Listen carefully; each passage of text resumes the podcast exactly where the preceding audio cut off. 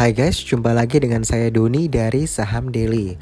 Kali ini kita mau review satu saham uh, yaitu PT Multistrada Ara Sarana Tbk. Uh, kode emitennya sih Masa ya, MASA. Nah, uh, 14 Mei 2019 yang lalu, ini beberapa hari yang lalu, ini saham uh, lagi panas-panasnya dibahas gitu. Banyak yang nanya ke IG kita di Saham Daily mengenai uh, prospek saham masa ini gitu. Karena uh, eh, 14 Mei 2019 saya masih inget banget itu menjelang uh, penutupan dia ARB jadi auto reject bawah uh, turun 25% ya ini saham harganya dari harga 830 ke harga 630 jadi begitu uh, pasar close Instagram kita tuh isinya cuman ma uh, saham masa dong saham masa gimana gitu ya. Oke okay. jadi akhirnya kita uh, putuskan untuk oke okay lah kita sharing uh, dengan teman-teman semua mengenai saham masa ini. Uh, saya bicara saat ini tanggal 17 Mei ya beberapa uh, beberapa hari setelah uh, ARB ya. Uh, untuk saat ini ya di tanggal 17 Mei 2019 ini harganya jadi 460 jadi kalau tanggal 14 Mei dia dari 8.30 turun ke 6.30 dan 17 Mei ini harganya di 460 gitu ya. Jadi turunnya sudah 400-an ya dari harga awal begitu. Uh, dan PT Multistrada Arah, Arah Sarana Tbk ini ya, dia sebenarnya beroperasi di kisaran Agustus tahun 1995 ya.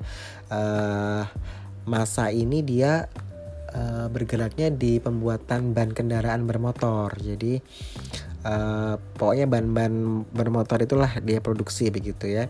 Dan dipasarkannya ini di dalam negeri maupun ke luar negeri ya. Kalau di luar negeri dia di Timur Tengah, Eropa, Australia, Afrika, uh, Asia, Amerika. Nah, seperti itu.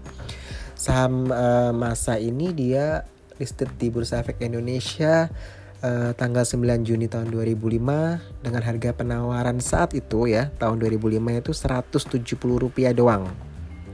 Begitu. Nah, kalau teman-teman yang sudah trading uh, dari tahun lalu ya, maksudnya yang newbie yang masih dari Januari gitu ya, uh, pasti ingat tuh kalau di bulan Maret ini saham uh, lagi hot-hotnya gitu. Kenapa hot? Karena masuk di berita-berita uh, investasi ya uh, tentang dibelinya saham masa ini oleh Michelin ya. Jadi dibelinya sebanyak uh, 8,04 miliar saham ya lembar sahamnya itu atau sekitar 87 persenan sahamnya itu dimiliki oleh Michelin akhirnya. Dibeli oleh Michelin ini dengan nilai 6,78 triliun gitu. Atau kalau disetarain berapa ya? Uh, setaranya sama dengan 843 lembar per saham. Jadi 6,78 triliun digunakan untuk membeli saham masa ini jadi kalau kita bagi per lembarnya kisaran 843 rupiah per lembar saham. Sedangkan sisanya ya eh, untuk saat ini 4 eh, persenan itu dimiliki oleh publik gitu. Jadi 87% sahamnya dimiliki oleh Michelin ya. Uh, sisanya dimiliki oleh publik. Jadi uh, kepemilikan publik di saham masa ini cuma 4% ya gitu. Untuk kinerja 2018 ya revenue-nya sih naik 15% dari 3,8 triliun ke 4,3 triliun which is bagus gitu. Tapi nah net profitnya dia uh, minus ya. Jadi bukan net profit tapi uh, loss ya. gitu dia di 259 miliar ruginya begitu. Jadi revenue-nya 4,3 triliun tapi dia posisi rugi 259 miliar begitu.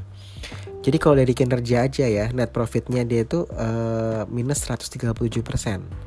Kalau tahun 2017 dia itu rugi 109 miliar.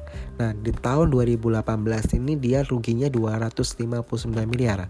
Jadi dari rugi 109 M ke rugi 259 M. Artinya ruginya makin besar. Begitu. ROE-nya sendiri ya, uh, return on equity-nya minus 6%, DER-nya 106. Uh, jadi ketika laporan kuartal 1 atau kalau kuartal satu sih memang juga belum uh, menunjukkan suatu yang ini ya. Jadi uh, ketika laporan keuangan dirilis itu ya dampaknya ke pasar juga ditanggepin negatif ya. Ya gimana enggak gitu kan kalau uh, laba uh, labanya, ruginya makin rugi gitu.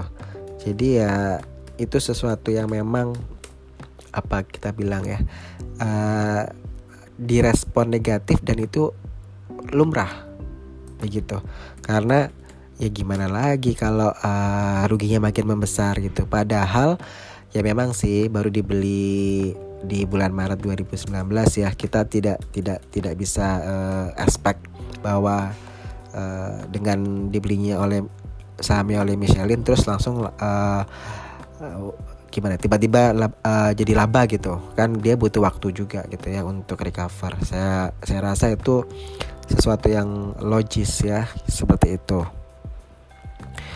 Lalu untuk bentar saya lihat lagi. Oke nih. Tadi ROE-nya minus 6% dari 106 uh, intrinsic value ya itu dia di 410 rupiah. Gitu. Jadi kalau banyak yang tanya kira-kira masih akan turun lagi nggak? Gitu ya. Kalau nilai intrinsiknya value 410 rupiah sedangkan harga saham per 17 Mei ini di 460 rupiah begitu. Masih overvalued loh 50 ya nggak? Gitu. Walaupun trennya uptrend. Begitu. Jadi kalau pas tanggal 14 Mei dia dari dari harga 830 turun ke 630 lalu 17 Mei eh beda tiga hari aja dia turun lagi sampai ke 460 Iya kan? Dari 830 630 460 kalau kita hitung nilai intrinsiknya 410 apakah tanggal nanti 20 itu dia jadi 410 gitu ya jadi waktu itu saya sempat uh, balas DM ya teman-teman bahwa uh, jangan masuk dulu gitu karena intrinsic value-nya di 410 gitu. Dan kita lihat juga di moving average ya, di uh, moving average 200 itu dia di 631 gitu. Jadi ini dia sudah menembus supportnya MA 200 gitu. Karena dia menembus di uh, 630 karena di bawah kan dia di harga 460 jadi dia sudah menembus titik supportnya gitu. Kalau kita lihat movingnya yang 200 bukan moving average ya saya bilang M200 bukan MA 200 jadi kalau MA 200 atau moving average 200 dia di harga 631 sedangkan di M200 maximum itu dia di 840 sedangkan M200 di minimum itu dia di 306 uh, untuk newbie saya jelasin gini ya jadi ada MA 200 dia di harga 631 sedangkan MX ya, MM ya, itu uh, dia di 840 sedangkan di MN ya yang minimumnya di 306. Begitu. Artinya bahwa ini saham kalau turun bisa ke 306. Begitu. Tapi kalau dia rebound, dia menguat, dia bisa ke 840 harganya begitu jadi uh, pertanyaan teman-teman di IG, uh, eh, Pak, ini uh, kapan ya saya bisa masuk ke saham masa ini begitu? Kalau kita lihat dari 830 benar ya. Dari 830 terus dia ke 630 terus dia ke 460 sedangkan nilai intrinsiknya 410 mungkin nggak uh, atau uh, kemungkinan atau probabilitas kita bilang probabilitas deh. Kalau mungkin dia bisa mungkin naik bisa mungkin turun ya. Tapi ke, uh, probabilitasnya itu masih cenderung turun kalau menurut kita ya karena ada uh, kemungkinan dia ke 306 begitu. Jadi Uh, kalau saran dari kami gitu ya walaupun dia ada potensi rebound ke 840 ya naik lagi uh, wait and see dulu gitu karena ya itu 14 ke 17 aja dia turunnya 200 loh. Sehingga kita uh, baik kepada klien maupun ke teman-teman yang uh, intens uh, komunikasi dengan kita via uh, WA atau via Instagram gitu ya. Saat itu kita sarankan bahwa wait and see dulu gitu. Selama uh, kinerjanya juga tidak terlalu bagus gitu. Kita lihat kan dia masih rugi dan ruginya makin besar di tahun uh, 2018 ini begitu.